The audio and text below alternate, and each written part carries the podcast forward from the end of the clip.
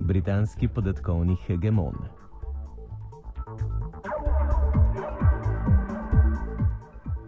Angliški neodvisni sodnik David Anderson je na svojem blogu opozoril na obseg in pooblastila obstoječe britanske protiteroristične zakonodaje, ki podeljuje obširne privilegije britanski mejni policiji, s katero imamo opraviti na točkah mednarodnega potovanja, torej predvsem na letališčih. Anderson je opozoril, da lahko mejni policisti katerega koli potnika ustavijo in vprašajo o njegovem morebitnem terorističnem alter egu, ga brez sodnih postopkov zadržijo za 9 ur, medtem ko lahko njegove predmete preizkujejo en teden. Obenem lahko pregledajo in snamejo vse podatke z mobilnih telefonov in drugih elektronskih gizmov, ki jih na to pošljajo v centralno bazo, prek katere do njih dostopajo še druge tako imenovane varnostne agencije. Obenem protiteroristični zakon ne omenja časovnega obsega hrambe le teh informacij, kar realno pomeni, da ostanejo v podatkovni bazi za vekomaj. O stanju nadzora in kopiranja podatkov z telefonov na letališčih v Veliki Britaniji smo se pogovarjali z Jamesom Bakerjem, vodjo kampanje No to ID, ki se bori proti britanskemu velikemu bratu. I think most people didn't really know it was happening. Uh, you know, most most people in the UK didn't didn't realise that the when you went across the border that they could they could grab your phone and download all the information off your phone. Um, you know, and these days people have a lot of private information on there. So you know, their pictures of their loved ones, their children, uh, you know, their private text messages, all that kind of stuff, which is really personal, intimate. Um, that you have in your phone, and then uh, most of them, you know, didn't realise they go on holiday, they go to vi- visit family overseas, and immediately, uh, you know, the, the, border police can, can scan download all that information. I mean, you have um, GCHQ, which is, you know, the British uh, spy centre, um, and they've been tapping the, the telephone wires, the fibre optic wires that go, you know, connect us all across the internet. Uh, then been working with, with the Americans to, to basically kind of spy on uh, millions of law, law-abiding citizens. Um, we've, I don't know, we've had a big controversy in the UK over what something called the Stupid Charter. This is a new act of parliament which is set to give uh, the police and different kind of public authorities more powers to snoop over individuals.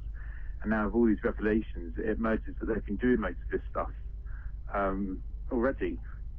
Uh, I think perhaps you know people have got quite blasé about this. We almost expect our governments in, in the UK to be spying on us now. Um, so unfortunately, I think you know a lot of us suspected this type of thing was going on, and now it's really just kind of confirmed that we thought. But a lot of people just kind of assumed it was already, it might have already been happening.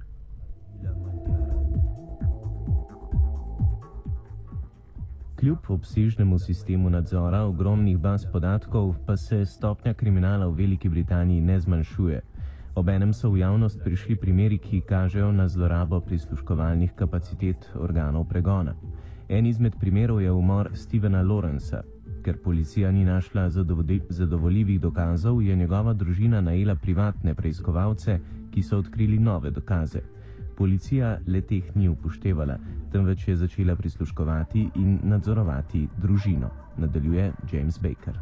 I mean, the UK has got um, the automated number plate recognition system. It's one of the largest databases in Europe because it, it scans all the people's uh, number plates as they go, you know, as, they drive past these systems. So I think you're right. When you, when you start to add these things together, when you think, oh, they're, they're spying on all of your kind of your internet, they're spying on your emails, they know where you drive, you know, they know where you've used your mobile phone, who you've texted, who your friends are.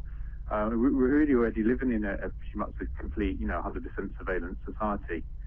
Um, yeah, what, what's noticeable is it hasn't, you know, it ma- hasn't massively stopped crime, but there is still problems with crime in the UK, and the UK hasn't got dramatically lower crime rates than um, the rest of Europe. So that's the other thing, you know, even with all this surveillance, it's still crime still happens. It hasn't kind of stopped all the all the problems. Um, and then you see how, how, it gets misused for things. We've had a um, recent uh, scandal in the UK. There was a Stephen Lawrence case. I'm not sure if you've heard of that case over there in Slovenia, but essentially um, a, a, black teenager got, got murdered and the police kind of covered up and didn't investigate it properly. Um, and they found that there was a problem with kind of racism within one of the, the UK's, you know, uh, police force in London.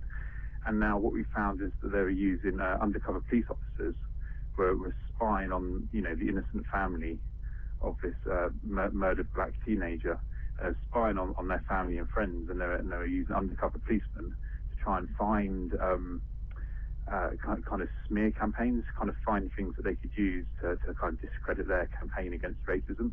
So what we've actually seen is, um, you know, surveillance not just for kind of catching criminals or catching terrorist suspects, but we've actually seen those powers then being misused by the police force to protect their own interests and to cover up things when, when they get found that they've done something wrong. They then use those same surveillance powers uh, or powers of undercover police to kind of cover their own tracks. And it's something you see in, in you know lots of countries across the world. Um, unfortunately, when you give people these powers, they they misuse them uh, with all the best intentions. Even if you try and set it up, you know, for the best intentions of catching criminals, unfortunately, these powers will get used, and uh, it leads it leads to corruption within police forces. And, and it's, it's, a shame, really, you know, because the, the UK used to have a good reputation for having police that weren't corrupt, but I think unfortunately with these these spying scandals, it's really started to tarnish that.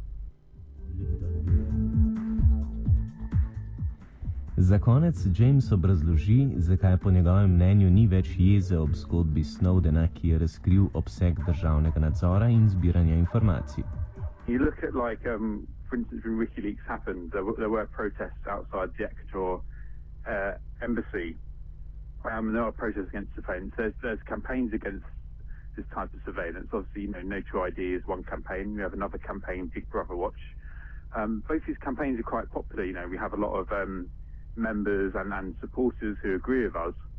Uh, but you're right. I don't think it's kind of tipped over into like a, a, as much as a process as you see in other countries. And you, and you look across Europe, um, especially places like uh, you know Germany, they have a really big protest against surveillance, and they have very strong protection in law against privacy. Um, and I think part of what that is is that in the UK, you know, we haven't had um, in the past. We haven't had a dictatorship. We haven't um, we haven't suffered under communism like other countries have done. You know, like Spain, the Franco. Uh, in the UK, because we haven't had that, I don't think people are so aware of, of where these abuses of powers can can lead to, or, or how things can go wrong. So I think maybe you know some people are a bit complacent and they don't realise how much of their their freedom and how much of their privacy is actually at stake with, with these powers.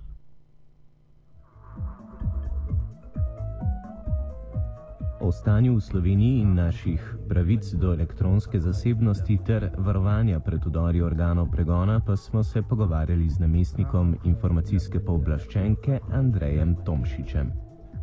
Kar se tiče zakona o kazenskem postopku, so v bistvu zelo podrobno predpisani postopki, kdaj sme policija zaseči naše nosilce podatkov in kdaj sme opraviti preiskave in kako ravnati s temi podatki. Uh, ena od zadnjih novel zakona o kazenskem postopku je to precej natančno naredila, tako da se zahteva v bistvu odredba sodnika za preiskavo nosilcev podatkov. Kaj pa sama hramba teh podatkov, ko jih enkrat, oziroma tukaj pa zdaj, če gremo malo na splošno, kako je z, hran, z shranjevanjem teh podatkov naprej? To pomeni, da se lahko uporabijo, uporabijo samo za nek uh, specifičen primer, ali se gre tudi v neko bazo, kjer bi se lahko tudi kasneje dostopalo, retencijska scena? V, v našem primeru prav gotovo ne bi bilo dopustno kakršno koli shranjevanje ali pa uporaba teh podatkov izven konkretnega namena izvedbe posameznega kazenskega postopka, tako da uh, takšna hramba ni, ni predvidena in tudi ne bila zakonita. Med sprejemanjem kazenskega zakonika pa je bila obširna debata o komunikacijski zasebnosti. Nadaljuje Andrej Tomšič. Tukaj obstaja ena dolga razprava o tem, kaj pravzaprav sodi v komunikacijsko zasebnost, ki je močno varovana po naši ustavi. Mi smo mnenja, da, da se komunikacijska zasebnost nanaša tako na samo vsebino komunikacije, kot, na, kot tudi na okoliščine in dejstva povezane s komunikacijo, torej tudi na to, kdo je kdaj s kom komuniciral, uh, kaj in kje. Ne? Uh, policija in drugi organi pa so nekako poskušali ustrajati, da sam ta podatek, torej kdo je recimo lasnik, imetnik ali uporabnik nekega komunikacijskega sredstva, da to še ne pomeni posega v komunikacijsko zasebnost in da zato ni potrebna odredba sodišča. Mi temu nasprotujemo, ker menimo, da uh, policijo v resnici zanima podatek o tem, kdo je s kom komuniciral, ne pa kdo je lastnik določenega telefona.